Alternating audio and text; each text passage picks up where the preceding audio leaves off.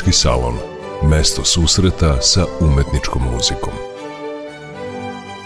Muzički salon. Priče o klasičnoj muzici. Muzički salon.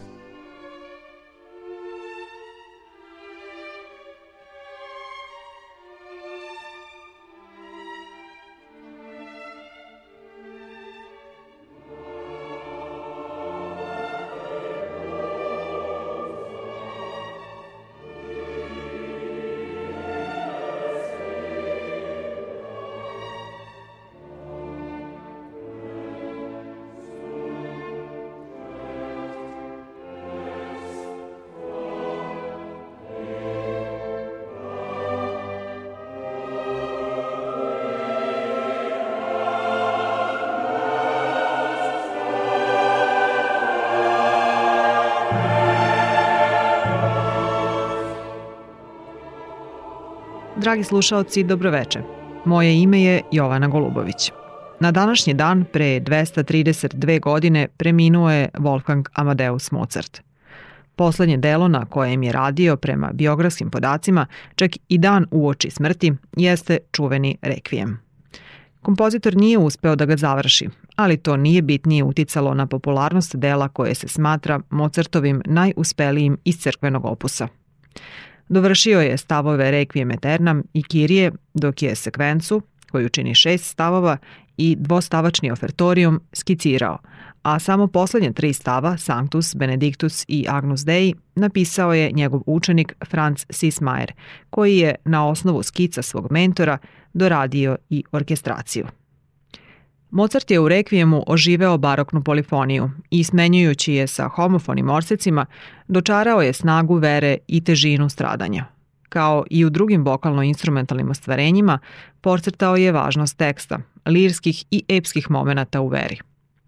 Misu za mrtve komponovao je po poručbini, ali pišući je u bolesti, predosećajući sudnji čas, zapravo se njom opraštao od sobstvenog života – Requiem Eternam i Kirije čućemo u izvođenju Bečke filharmonije i Bečkog pevačkog društva pod upravom Herberta von Karajana. Soliskinja je sopran Ana Tomova-Sintova.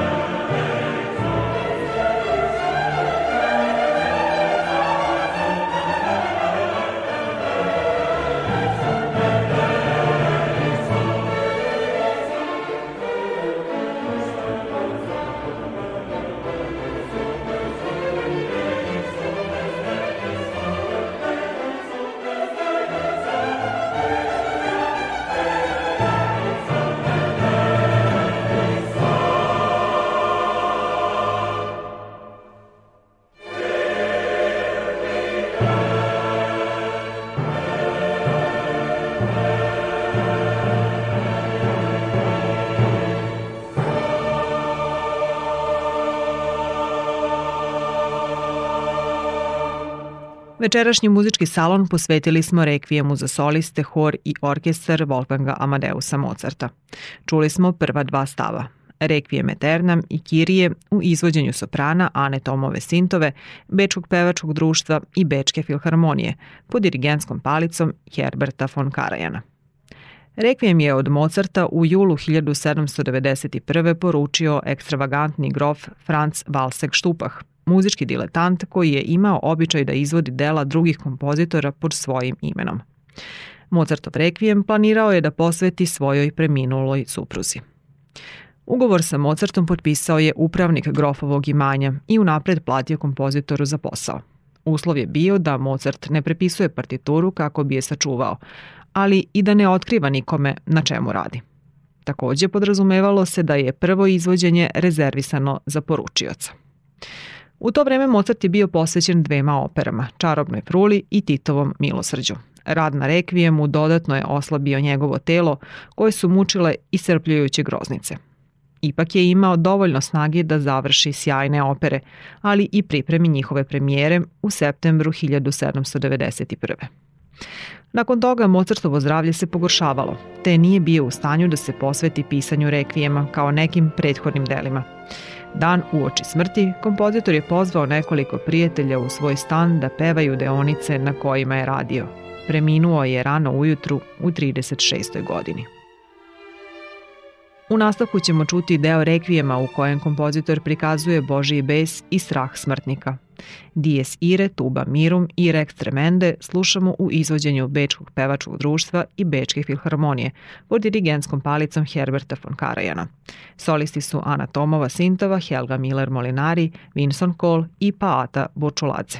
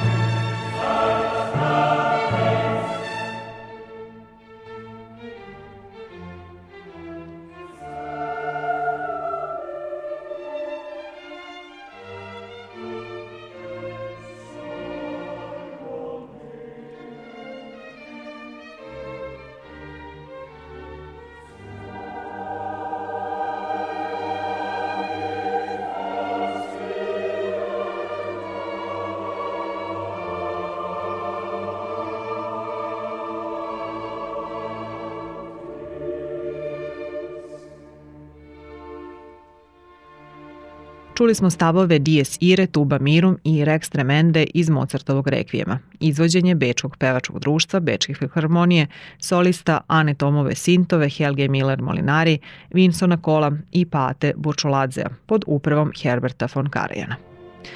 Posle Mozartove smrti brigu o rukopisima i celokupnom nasleđu preuzela je njegova žena Konstanca – Kako nije mogla da vrati novac kojim je Mozartu plaćeno pisanje rekvijema, obraćala se kompozitorovim kolegama sa molbom da dovrše delo. A Sismajer je prvi prihvatio da to učini. Bio je odan Mozartov učenik i poslednje dane je proveo s njim. Najpre je prepisao celokupan Mozartov zapis, da se u partituri ne bi videla dva različita rukopisa – Prema skicama je oblikovao sekvencu koju čine Dies Irae, Tuba Mirum, Rex Tremende, Rekordare, Confutatis i Lacrimosa. Zatim Ofertorium, odnosno Domine Jezu i Hostijas, te komponovao poslednja tri stava. Vodeći se mišlju svog učitelja, delo je završio fugom koju je preuzeo iz stava Kirije. Iako na kraju uobličen od strane drugoga, rekvijem je zaokružena muzička celina zasnovana na idejama austrijskog velikana. Mozart se okretao tradiciji duhovne muzike svojih predaka. Početak teme Requiem Eternam pozajmio je iz jednog Hendlovog posmrtnog hora, a solistička deonica soprana počinje starom nemačkom pogrebnom pesmom. Istovremeno Mozart anticipira romantičarske težnje i upotrebljava dvostruku vokalno-instrumentalnu fugu u stavu Kirije. Majstorstvo i složenost polifonije svakako upućuju na odlično poznavanje opusa svojih prethodnika Henla i Baha. Uz gudače koji nose orkestarski part, Mozart u lirskim delovima upotrebljava drvene duvače, dok očekivano u snažnim epskim momentima koristi limene duvače i timpane. Značenje teksta posebno podcrtava kontrapunktirajućim trombonom naspram solista u delu Tuba Mirum, ali i na početku Dies Ire, u kojem hor peva o užasu sudnjeg dana. Verzija rekvijema koju je završio sledbenik velikana epohi klasicizma Francis Mayer bila je jedina značajna do kraja 20. veka. Kasnije su i drugi kompozitori objavljivali svoje viđenje nedostajućih stavova, a smatra se da je najprigodnije ono američkog muzikologa Roberta Levina. Misa za mrtve u D-molu Wolfganga Amadeusa Mozarta inače numerisana je kao 626. opus. Sa samo 36 godina napisao je toliko remek dela – Da nije preminuo tako rano, 5. decembra 1791. godine, možda bismo najboljim kompozicijama austrijskog umetnika smatrali neka sasvim druga ostvarenja. Na kraju večerašnje emisije čućemo još dva stava znamenitog rekvijema, ona koja su pre svega proslavile široke, uzvišene melodije. Delove Lakrimoza i Lux Eterna slušamo u izvođenju Bečkog pevačkog društva, Bečke filharmonije i soliskinje Ane Tomove Sintove, kojima diriguje Herbert von Karajan. Za tonskim pultom bio je Tomislav Tomov, a za mikrofonom Jovana Golubović. Pozdravljamo vas do sledećeg muzičkog salona.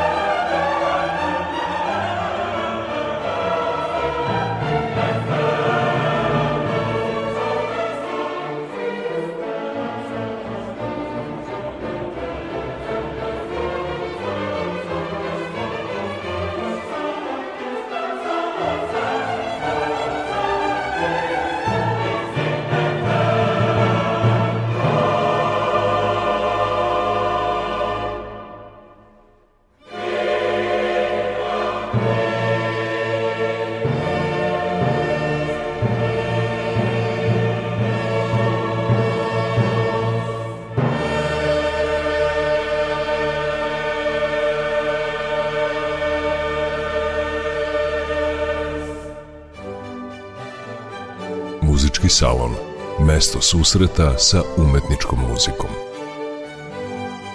Muzički salon. Priče o klasičnoj muzici. Muzički salon.